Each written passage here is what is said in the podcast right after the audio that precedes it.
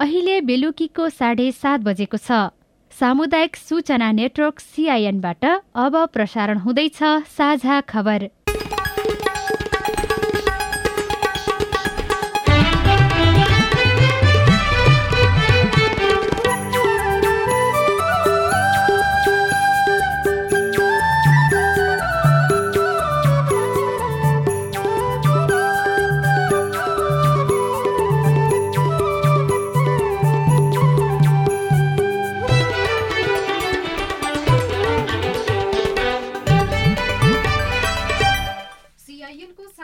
खबरबाट सोभिता रिसालको नमस्कार। साझा खबर देशभरिका सामुदायिक रेडियो सिआइएन खबर डट कम सिआइएनको फेसबुक पेज र मोबाइल एप सिआइएनबाट पनि सुन्न सकिन्छ।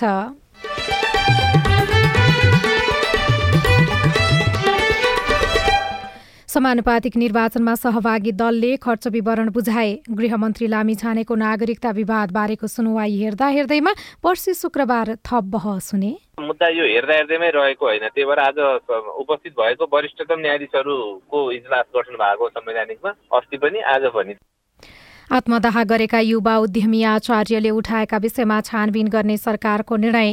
राष्ट्रिय सभा सदस्य उपनिर्वाचनका लागि तीनजनाको मनोनयन दर्ता शाखा रहित बैङ्किङ गहर्दो ब्याङ्कहरू नपुगेका उनीहरूको शाखा सञ्जाल पुग्न नसक्ने ठाउँहरूमा पनि ब्याङ्किङ सेवा पुर्याउनु पर्ने अवस्था थियो। त्यसका लागि राष्ट्र ब्याङ्कले पनि सहजीकरण गरेको अवस्था हो।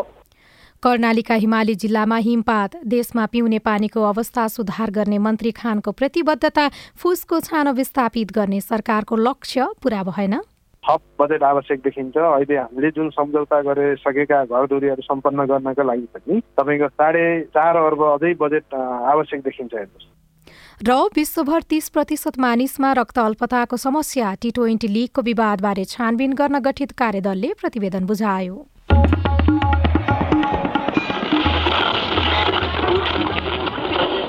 सयौं रेडियो। हजारौं रेडियो कर्मी र करोडौं नेपालीको माझमा यो हो सामुदायिक सूचना नेटवर्क सिआइएन हिजो संसद भवन अगाडि आफ्नै शरीरमा आगो लगाएका एकजना उद्यमीको आज मृत्यु भएपछि नागरिकहरू न्याय माग्दै सड़कमा ओर्लिएका छन्। संसद भवनबाट फर्किरहेका प्रधानमन्त्रीको आँखै अगाडि एकजना नागरिकले आत्मदाह गर्दा सरकार गम्भीर नबनेकोमा चौतर्फी आलोचना भइरहेको छ। सरकारसँग विद्रोह गर्दै एक युवा उद्यमीको आत्मदाह र उहाँको मागले राज्य संयन्त्रप्रति नै प्रश्न उब्जाएको छ। यो घटनाले उठाएका प्रश्न र मागलाई सम्बोधन गर्न सरकार थप प्रतिबद्ध हुनु जरुरी छ। अब खबर सजना तिमल सिन्हाबाट। सरकारले आत्मदाह गरेका इलामका प्रेम प्रसाद आचार्यले उठाएका विषयमा छानबिन गर्ने निर्णय गरेको छ। मन्त्री परिषदको आज बसेको बैठकले यसबारे छानबिन गर्न गृह मन्त्रालयलाई जिम्मा दिएको छ। आचार्यले उठान गरेका विषय अध्ययन गरेर गृह मन्त्रालयले छानबिन गर्ने र सत्य तथ्य बाहिर आएपछि सरकारले आवश्यक कदम चाल्ने निर्णय भएको गृहमन्त्री रवि लामी छानेले बताउनुभयो। उहाँले एउटा गम्भीर विषयहरू उठान गर्नुभएको थियो त्यसभन्दा अगाडि लेख्नुभएको थियो उहाँ अन्यायमा पर्नुभएको विषय उठान गर्नुभएको थियो। त्यसको अध्ययन गरेर त्यसलाई छानबिनमा ल्याउने र गृह मन्त्रालयले नै तदारुकताका साथ अगाडि बढाएर छानबिन गर्ने र छानबिन गरिसकेपछि सत्य तथ्य बाहिर आइसकेपछि तदनुसार सरकारले आवश्यक कदम चाल्ने भन्ने एउटा निर्णय भएको छ। र आज नै त्यस सम्बन्धी यो छानबिन को कार्य गृह मन्त्रालयको तदारुकतामा हामी अगाडि बढाउनेछौँ। त्यो निर्णय भएको छ। त्यस पछाडि उहाँले भन्नुभएका विषयहरू छानबिनका क्रममा निस्किए पश्चात त्यसपछि आवश्यक कारवाही गर्ने एउटा निर्णय चाहिँ यहाँहरूलाई म जानकारी गराउन चाहन्छु। हिजो नयाँ बानेश्वरमा आफ्नै शरीरमा आगो लगाएर घाइते हुनुभएका आचार्यको उपचारका क्रममा आज मृत्यु भएको छ। यसैबीच नेपाल आयल निगमले खुल्ला रूपमा पेट्रोलियम बिक्री वितरण गरेको पाइए कार्यवाही गर्ने चेतावनी दिएको छ। निगमले आज सूचना निकालेर खुल्ला बोतल जर्किन लगायतका भाँडामा पेट्रोलियम पदार्थ बिक्री नगर्न निर्देशन दिँदै त्यसो गरेको पाइए कार्यवाही गर्ने चेतावनी दिएको हो। प्रतिनिधि सभाको समानुपातिक निर्वाचनमा सहभागी राजनीतिक दलले निर्वाचन आयोगलाई खर्च बुझाएका छन्। समानुपातिक तर्फको थ्रेसहोल्ड कटाएका सातवटा सहित सडचालिसवटा राजनीतिक दलहरूले खर्च विवरण बुझाएका आयोगले जनाएको छ। सीआईएनसँग कुरा गर्दै आयोगका प्रवक्ता शालिग्राम शर्मा पौडेलले मंगिर अठाइसको पन्ध्र दिनभित्र खर्च विवरण बुझाउनु पर्ने प्रावधान अनुसार नै दलहरूले खर्च विवरण आयोगमा बुझाएका बताउनुभयो। मङ्सिर अठाइसको पैँतिस दिनभित्रमा समानुपातिक तर्फको दलहरूले खर्च विवरण बुझाउनु पर्नेमा दलहरूले खर्च विवरण समानुपातिक तर्फको बुझाएका छन् भने प्रत्यक्ष तर्फको आफ्नो जिल्लामा बुझाउनु पर्ने हो। जिल्लामा बुझाइसकेको अवस्था छ। अब त्यसको लागि आयोगले कसले बुझाए कसले बुझाएनन् भन्ने कुराको जिल्लाबाट विवरण कलेक्सन गर्नका लागि पत्रचार गरेको छ। त्यो सबै कलेक्सन भएपछि थाहा हुन्छ तर प्राय सबै उम्मेद्वारहरूले खर्च विवरण बुझाएको भन्ने हामीलाई जानकारी प्राप्त भएको छ। विवरण अनुसार सबैभन्दा धेरै खर्च नेकपा एकीकृत समाजवादीले गरेको छ। समाजवादीले समानुपातिक निर्वाचनमा एक करोड़ नब्बे लाख उनानब्बे हजार रुपियाँ खर्च गरेको छ। यस्तै नेपाली कांग्रेसले एक करोड़ पचपन्न लाख बत्तीस हजार पाँच सय अठहत्तर रुपियाँ नेकपा एमाले एक करोड़ तेत्तीस लाख छत्तीस हजार छ सय त्रियानब्बे रुपियाँ नेकपा माओवादी केन्द्रले एक करोड़ चार लाख तीन सय छयालिस रुपियाँ खर्च गरेका छन्। यसै गरी राष्ट्रिय स्वतन्त्र पार्टीले छत्तीस लाख छयासी हजार दुई सय पच्चिस रुपियाँ जनता समाजवादी पार्टीले पैंतिस लाख नेपाल मजदुर किसान पार्टीले अठाइस लाख छयत्तर हजार दुई सय पचास रुपियाँ नागरिक उन्मुक्ति पार्टीले दस लाख तेह्र हजार रुपियाँ लोकतान्त्रिक समाजवादी पार्टीले साढे नौ लाख राष्ट्रिय जनमोर्चाले तीन लाख एकानब्बे हजार पैंसठी रुपियाँ र जनमत पार्टीले तीन लाख अठासी हजार रुपियाँ खर्च गरेको विवरण आयोगमा बुझाएका हुन्। उपप्रधानमन्त्री तथा गृहमन्त्री रवि लामिछानेको नाग लामिछानेको नागरिकता विवादबारे सर्वोच्च अदालतको संवैधानिक इजलासमा भइरहेको सुनवाई हेर्दा हेर्दैमा रहेको छ। कायम मुकायम प्रधान न्यायाधीश हरिकृष्ण कार्की विश्वम्बर प्रसाद श्रेष्ठ ईश्वर खतिवड़ा डाक्टर आनन्द मोहन भट्टराई र अनिल कुमार सिन्हाको इजलासमा आज रिट निवेदकले बहस गरेका छन्। बहस नसकिएकाले पर्सि शुक्रबार फेरि निरन्तरता दिइने सर्वोच्चका प्रवक्ता विमल पौडेलले सीआईएनलाई जानकारी दिनुभयो। आज दुवै तर्फको वकिल साहबहरूबाट चाहिँ बहस भइरहनु भएको छ। अब आज सबै सकिएन समयको कारणले। पर्सि शुक्रबारलाई हेर्दा हेर्दै राखेको छु। मुद्दाको सुनवाईका क्रममा न्यायाधीशहरू पनि हेरफेर भयो भन्ने कुराहरू आइराखेका थिए। त्यसबारे पनि प्रश्न पारिदिनुहोस् न। त्यो चाहिँ यसो न्यायाधीश अस्तिबाट मुद्दा यो हेर्दा हेर्दैमै रहेको होइन। त्यही भएर आज उपस्थित भएको वरिष्ठतम न्यायाधीशहरूको इजलास गठन भएको संवैधानिकमा अस्ति पनि आज पनि। आज चाहिँ अब श्रीमान चाहिँ अस्ति एकजना श्रीमान बिदामा हुनुहुन्थ्यो। त्यो हुनाले अब बिचको सिनियर श्रीमान बिदामा भएपछि उहाँभन्दा पछाडिको श्रीमान चाहिँ इजलासमा हुनुहुन्थ्यो अस्ति भने आज चाहिँ सबैजना श्रीमानहरू उपस्थित हुनुहुन्छ। बहसमा लामिछानेले विदेशको नागरिकता त्यागेपछि स्वत नेपाली नागरिकता कायम हुने कि नहुने भन्ने विषयमा तर्क वितर्क भएको थियो। लामिछानेले अमेरिकामा रहँदा त्यहाँको ग्रीन कार्ड र राहदानी लिएको तर नेपाल आएपछि नेपाली नागरिकता पुनः प्राप्तिको प्रक्रिया नथालेको बरु नेपालको राहदानी लिएको दावी सहित मुद्दा दायर भएको हो। देशभरबाट फुसको छानो प्रतिस्थापन गर्ने सरकारको लक्ष्य पूरा हुन अझै समय लाग्ने देखिएको छ। आर्थिक वर्ष दुई हजार पचहत्तर छयत्तरदेखि फुसको छानो प्रतिस्थापन गर्ने लक्ष्य राखेर सरकारले काम गरिरहेको भए पनि पूरा हुन भने अझै समय लाग्ने देखिएको हो। शहरी विकास मन्त्रालयका अनुसार अहिलेसम्म दुई लाख दस हजार घरधुरी पहिचान गरेकोमा एक लाख पैंतालिस हजार परिवारसँग मात्रै सम्झौता भएको छ जसमध्ये सडचालिस हजार घरको फुसको छानो प्रतिस्थापन भइसकेको छ। बाँकीसँग सम्झौता गर्नको लागि बजेट नै नभएकाले लक्ष्य पूरा हुन अझै समय लाग्ने मन्त्रालयका प्रवक्ता प्रदीप परियारले सिआइएनसँग बताउनुभयो। थप बजेट आवश्यक देखिन्छ। अहिले हामीले जुन सम्झौता गरिसकेका घरधुरीहरू सम्पन्न गर्नका लागि पनि तपाईँको साढे चार अर्ब अझै बजेट आवश्यक देखिन्छ हेर्नुहोस्। पहिला हामी पचास हजार मात्रै दिन्थ्यौँ अहिले चाहिँ तपाईँको दुई हजार सतहत्तर अठहत्तर सालदेखि यसलाई बढाएर पचहत्तर हजार मात्रै बनाएका छौँ। पहिलो किस्तामा साठी प्रतिशत दिन्छौँ र दोस्रो किस्तामा चालिस प्रतिशत दिने गर्थ्यौँ। अहिले चाहिँ बजेटको अलि कमी भएको हुनाले चाहिँ यसलाई थप उसलाई चाहिँ अब गर्न नसकिएको अवस्था हो। सरकारले सशर्त अनुदानको रूपमा स्थानीय तहलाई बजेट दिएर फुसको छानो हटाउने काम गरिरहेको छ।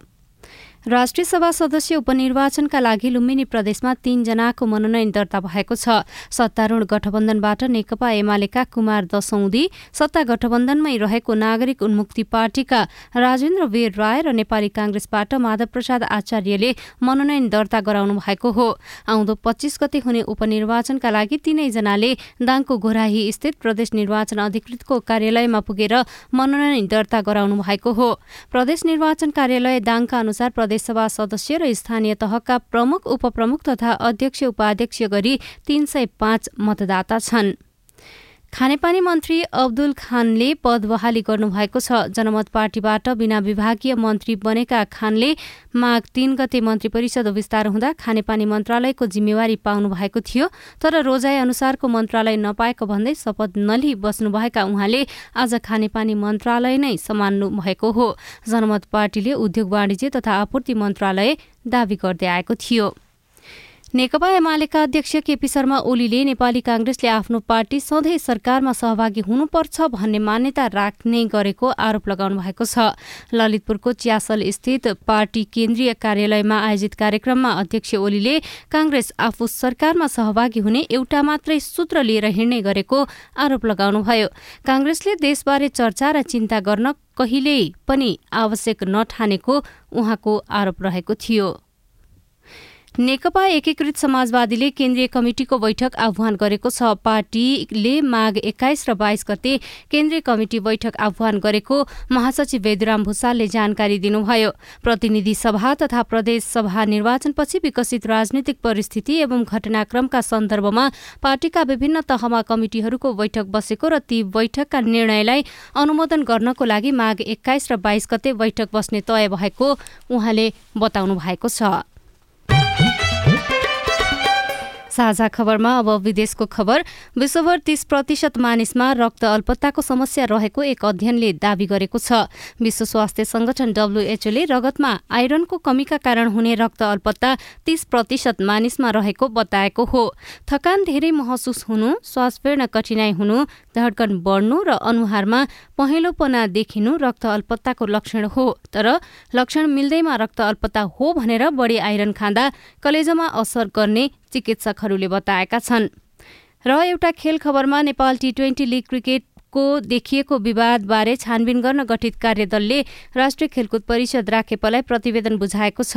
राखेपको कार्यकारी समितिका सदस्य यकेन्द्र बहादुर कुँवरको संयोजकत्वमा गठित पाँच सदस्यीय छानबिन कार्यदलले आज प्रतिवेदन बुझाएको हो।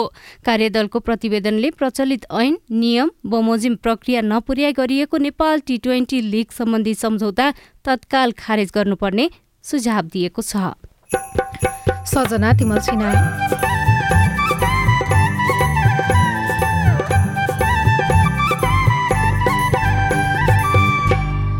पाल्पालाई ढाकाको राजधानी घोषणा गरियो तर उत्पादन भने बढेन।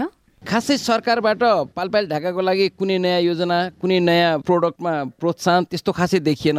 हामी जुन तरिकाले पुरानो तरिकाले चलेका थियौँ त्यही पुरानै तरिकाबाट चल्न हामी बाध्य भयौँ।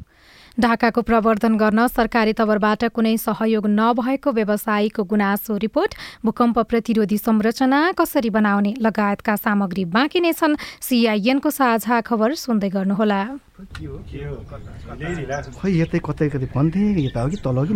सर नमस्ते। हजुर नमस्ते नमस्ते। हजुर के सेवा गरौँ? सूचनाको हक भन्ने बारेमा रेडियो टिममा खुब सुनिन्थ्यो। हजुर। आज पालिकामा छिरेको बेलामा सोधिहाले हजुरलाई।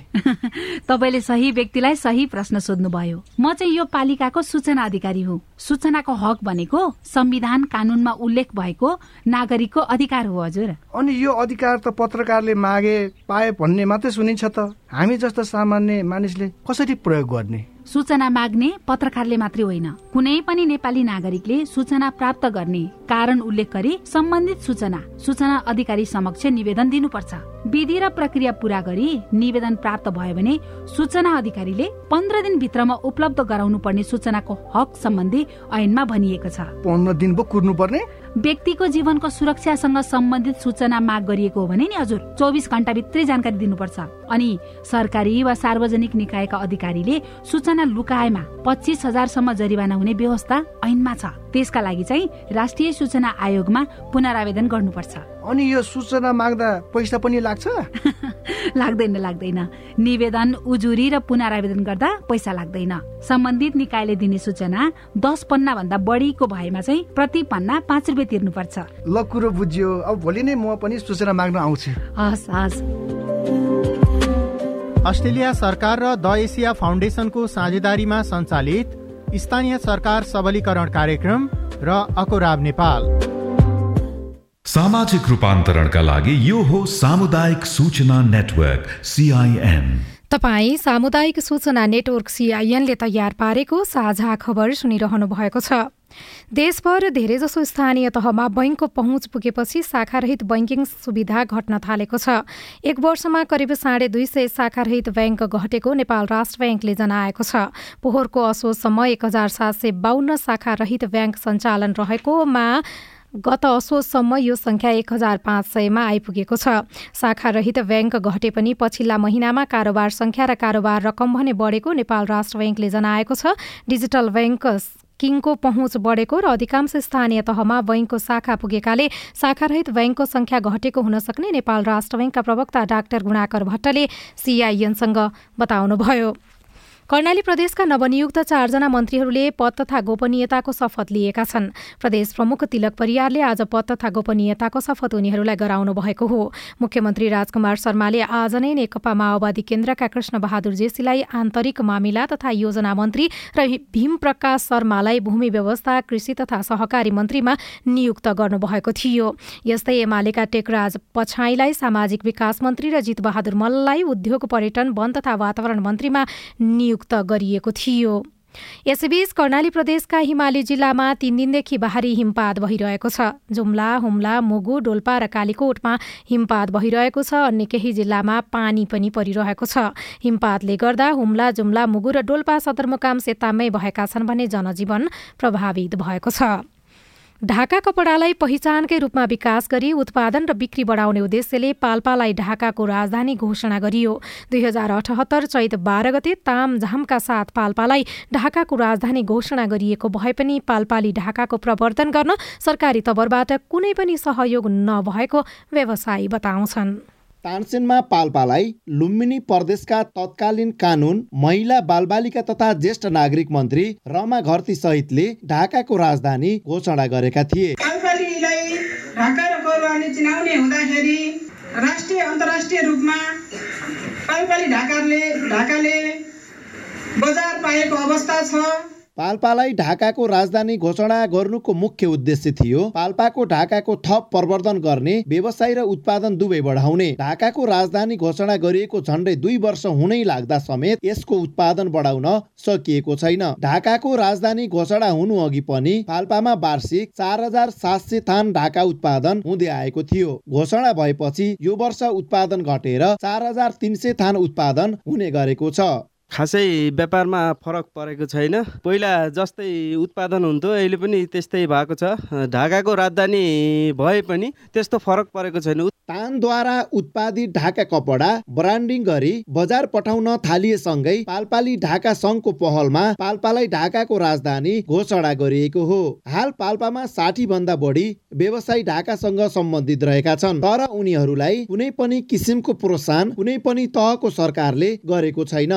पाल्पामा ढाका उद्योग सञ्चालन गर्दै आउनुभएका कमल भण्डारी। पाल्पालाई ढाकाको राजधानी घोषणा गरे लगतै एकछिन त तामदामसँग रमाइलो नै गरियो। त्यसपछि खासै सरकारबाट पाल्पाली ढाकाको लागि कुनै नयाँ योजना कुनै नयाँ यो प्रोडक्टमा प्रोत्साहन त्यस्तो खासै देखिएन। हामी जुन तरिकाले पुरानो तरिकाले चलेका थियौँ त्यही पुरानै तरिकाबाट चल्न हामी बाध्य भयौँ।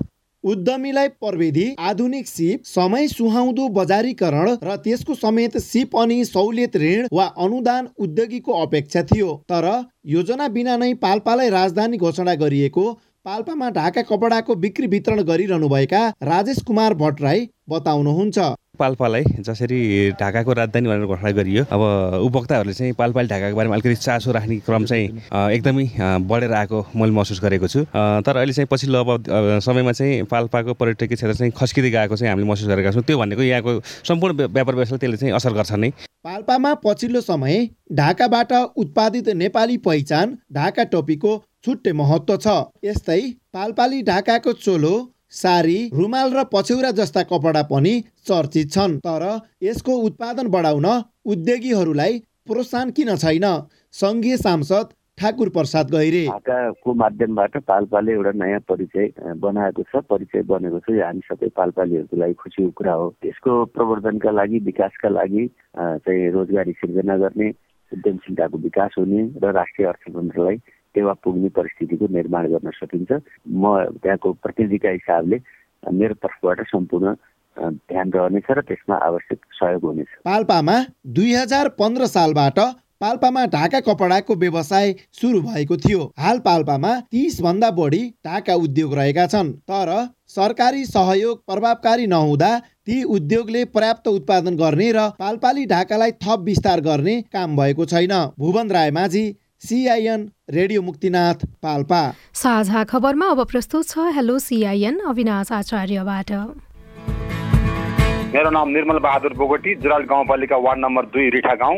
यो पानी धेरै आएकोले यो पानी कति दिनसम्म रहने हो के यसमा जानकारी पाउन पाए। म आभारी हुने थिएँ हजुर। जानकारी गराउँदै हुनुहुन्छ जल तथा मौसम पूर्वानुमान महाशाखाका वरिष्ठ मौसमविद राजु प्रधानाङ्ग। जुन अहिले पश्चिमी न्यूनचापी प्रणालीको प्रभावले गर्दाखेरि पश्चिमतिर वर्षा भइरहेको अवस्था छ होइन? अपरान्हदेखि नै पश्चिमतिरको मौसममा सुधार हुँदै जाने सम्भावना छ। यस लगत्तै वर्षाको केही सम्भावना देखिएको छ कि छैन? यस लगत्तै तत्काल केही दिनको लागि वर्षाको सम्भावना देखेको छैन। बच्चालाई सरस्वती चन्दा दिएन भनेर सरले चाहिँ र विद्यार्थीले चाहिँ उसलाई गाली गरेर रुँदै आएको थियो। र यो जाडोको लुगा चाहिन्छ दिने भनेर भदौ महिना पैसा लगेको थियो। त्यो पैसा अहिलेसम्म जाडोको लुगा दिएको छैन। यस बारेमा हामीले सुनवर्सी नगरपालिका मोरङका शिक्षा शाखा अधिकृत हरिप्रसाद कट्टेललाई खबर गरेका छौँ। सरस्वती पूजाको सन्दर्भमा विद्यालयहरूले शैक्षिक रूपमा नै पैसा उठाउने गरेको र शैक्षिक रूपमा उठाउँदा उठाउँदै बच्चा घर पुगिसके पछाडि अभिभावकलाई लिएर आए पछाडि अभिभावकले बच्चाहरूसँग गएर अनावश्यक कार्य गर्नुभएको र हेड सरले सम्झाइ बुझाइ पठाउनु भएको। लुगाको सन्दर्भमा लुगाको लागि पैसा लिएको सत्य हो। त्यो टेलरले ढिलो गरिदिएकाले माघ पन्ध्रभित्रमा त्यो लुगा विद्यार्थीको हातमा पुग्छ। त्यो कुरा चाहिँ विद्यालयबाट जानकारी प्राप्त भयो। अन्य केही भएर शिक्षा शाखामा आएर मलाई नै प्रत्यक्ष भेटेर गुनासोहरू गर्न सक्नुहुन्छ। त्यसको उचित सम्बोधन हुन्छ। प्रकाश तामाङ गजुरी गाउँपालिका वार्ड नम्बर सातबाट वृद्ध भत्ता खाने मान्छेहरूलाई चाहिँ न्यानो कौडा ब्ल्याङ्केटहरू बाँडिरहेको छ थियो त्यो चाहिँ कहाँ के भइरहेको छ भन्न चाहन्छु। जवाफ दिँदै हुनुहुन्छ गजुरी गाउँपालिका धादिङका उपाध्यक्ष शर्मिला विसुराल। अपाङ्ग हुनुहुन्छ भनेदेखि भत्ता नखाए पनि होइन वृद्ध नभए पनि। र अनि त्यसपछि एकल महिला न्यानो कपडा एकदम आवश्यक भएको भए पनि भन्ने खालकोलाई हेरेका छौँ। र हामीले त्यो वडा वडामा समिति बनाएका छौँ। गाउँपालिकाको समितिलाई बोलाएर वडा समितिलाई चलामान गरेर उहाँहरूले टिप्पण गरेर लिएर आउनु भएको उहाँको वडा जीवहरूलाई नै समन्वय गरेर ज्येष्ठ नारीका संयोजकले पनि समन्वय गरेर त्यो विपन्न परिवारको ज्येष्ठ नारी पचहत्तर वर्ष कतिको मान्छेहरूलाई मात्रै दिने एउटा क्राइटेरियाबाट दिने भन्ने खालको कुरो हो। हामीले पुरै सबैलाई ज्येष्ठ नारी त धेरै छ गजुरी गाउँपालिकाभरिमा हामीले त्यो नगर्नु गराउन नसकेको कारणले चाहिँ हामीले थोरै मात्रामा गर्ने भनेर चाहिँ कोर बेकोलाई अहिले नदिने अहिले बेकोलाई अर्को साल नदिने तरिकाले चाहिँ त्यसरी बाँडिरहेका छौँ। तपाईँ जुनसुकै बेला हाम्रो टेलिफोन नम्बर शून्य एक बाहन्न साठी छ चार छमा फोन गरेर आफ्नो विचार प्रश्न गुनासो तथा प्रतिक्रिया रेकर्ड गर्न सक्नुहुन्छ। तपाईँ सामुदायिक सूचना नेटवर्क सिआइएनले काठमाडौँमा तयार पारेको साझा खबर सुनिरहनु भएको छ। भूकम्प प्रतिरोधी संरचना कसरी बनाउने? घर बन्न कम्तीमा चारवटा भित्ता चाहिन्छ। अब त्यो चारवटा भित्तालाई एकनासले केले बाँधेको छ? त्यो चाहिँ बन्धन हो। त्यसैले दुई दलीय बिउ जस्तै यो भूकम्प थेग्ने तरिकाको बिउ भनेको चाहिँ जोडाइ र बन्धन हो। पुराना संरचना पनि भूकम्प प्रतिरोधी बनाउन सकिने उपाय सहितको विशेष कुराकानी बाँकी नै छ। सिआइएनको साझा खबर सुन्दै गर्नुहोला। नेपाल टेलिकमको सूचनाको संसार। होइन के सुनेको यस्तो ध्यान दिएर दोहोरो बोलेको जस्तो नि देख्दिन। तिन दुई एक शून्य शून्य क्या? तिन दुई एक शून्य शून्य? के हो त्यो भने? बुझिन त। ल सुन एनटिसी प्रयोगकर्ताहरूले आफ्नो मोबाइल तथा ल्यान्डलाइनमा तिन दुई एक शून्य शून्य डायल गरी समाचार रेडियो कार्यक्रम खेल र अन्य विषयबारे सन्देशहरू जुनसुकै बेला निशुल्क सुन्न सक्छन्। ओहो निशुल्क? कस्तो सजिलो। समाचार सुन्न छुट्यो भनेर पिर लागेको थियो। अब त म पनि सुनिहाल्छु। कति रे? तिन दुई एक शून्य शून्य।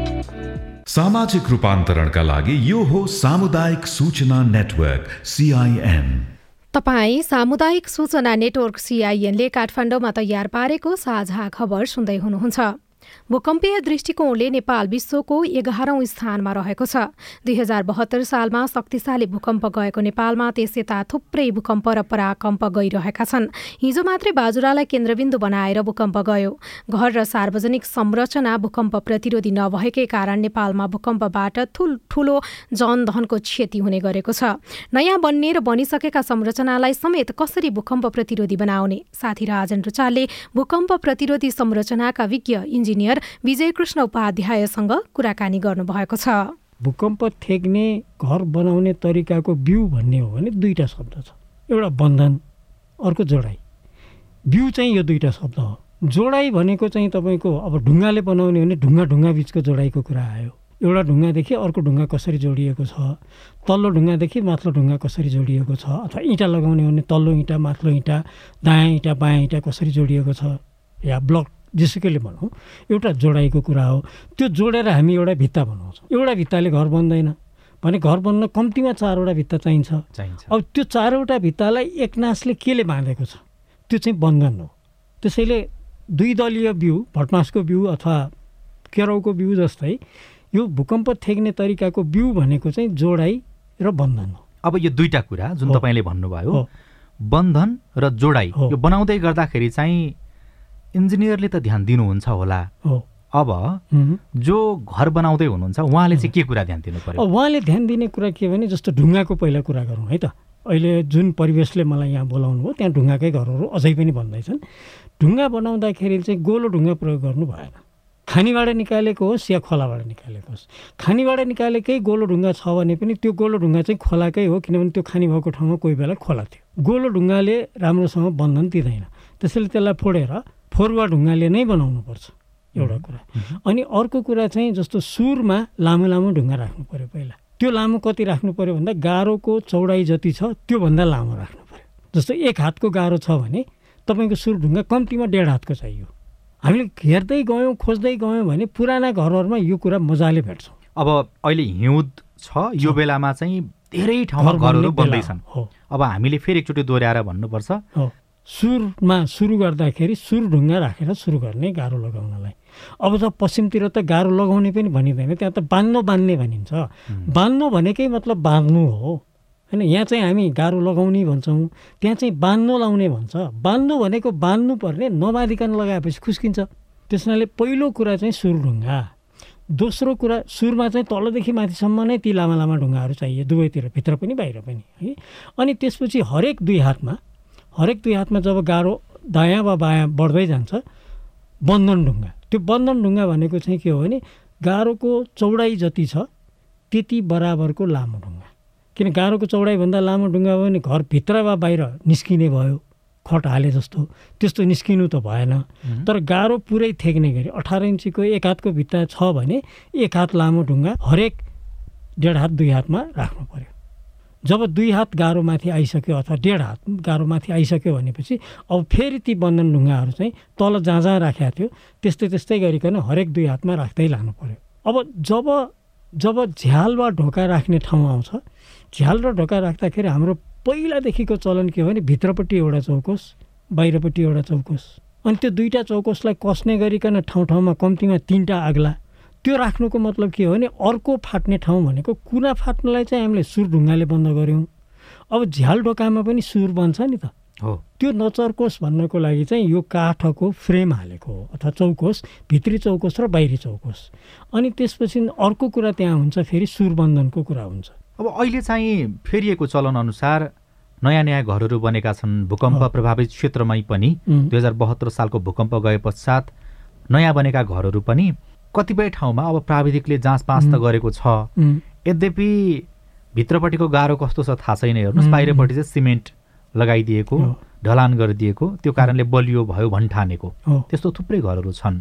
त्यो त मूर्खता जोखिम पनि भयो नि होइन अहिले हामीले आफैलाई झुक्क्यायौँ जाँचपास गर्ने इन्जिनियरलाई झुक्क्यायौँ हामी सबैलाई झुक्क्यायौँ मक्ख पऱ्यो तर भैँचालोले झुक्किँदैन उसले आएर चाहिँ त्यहीँ हान्छ जहाँ हामीले कमजोरी गरिरहेको छ अब जति घरहरू बनिसके बनिसके थुप्रै मान्छेहरूले नयाँ घर पनि बनाउनुहुन्छ। त्यसमा चाहिँ सजग हुनु पर्यो एकदम अब पुरानो घरहरू। जसको पनि त उपदेयता छ। बस्नुपर्छ। होइन। कतिपयको निकै पुरानो घर होला कतिपयले भर्खर भर्खर बनाउनु भएको। जे जस्तो भए पनि उहाँहरूले घर बनाइसक्नु भयो। हो। त्यही घरलाई बलियो बनाउने तरिका चाहिँ हुँदैन। छ। कसरी? छ।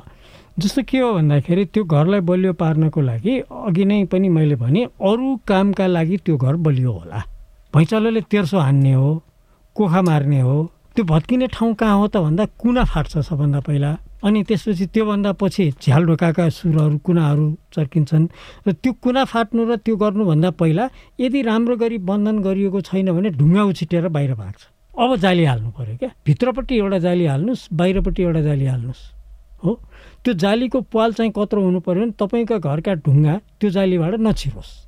त्यत्रो जाली बनाउनुहोस् भित्रपट्टि एउटा जाली तनक्क पारेर बाँध्नुहोस् घरलाई वरिपरिबाट बाहिरपट्टिबाट सक्लै फेरि लाए जस्तो चारैवटा भित्ता चारै सुरमा मजाले कसेर बाँध्नुहोस् अनि त्यसपछि भित्रपट्टिका प्रत्येक कोठामा पनि भित्रपट्टिबाट फेरि त्यस्तै गरी जाली राख्नुहोस् र हरेक डेढ फिट दुई फिटमा तालले झिरले त्यो भित्तालाई पाल पारेर भित्रको जाली र बाहिरको जालीलाई मजाले कस्नुहोस् तनक्क हुने गरी। यति गर्नुभयो भने तपाईँको घर जसरी पड्ल्याङ पुड्लुङ ढल्नेवाला थियो नि पैँचालोमा। ढल्दैन समानुपातिक निर्वाचनमा सहभागी दलले खर्च विवरण बुझाएका छन्। गृहमन्त्री लामी छानेको नागरिकता विवादबारेको सुनवाई हेर्दा हेर्दैमा राखिएको छ। पर्सि शुक्रबार थप बहस हुनेछ।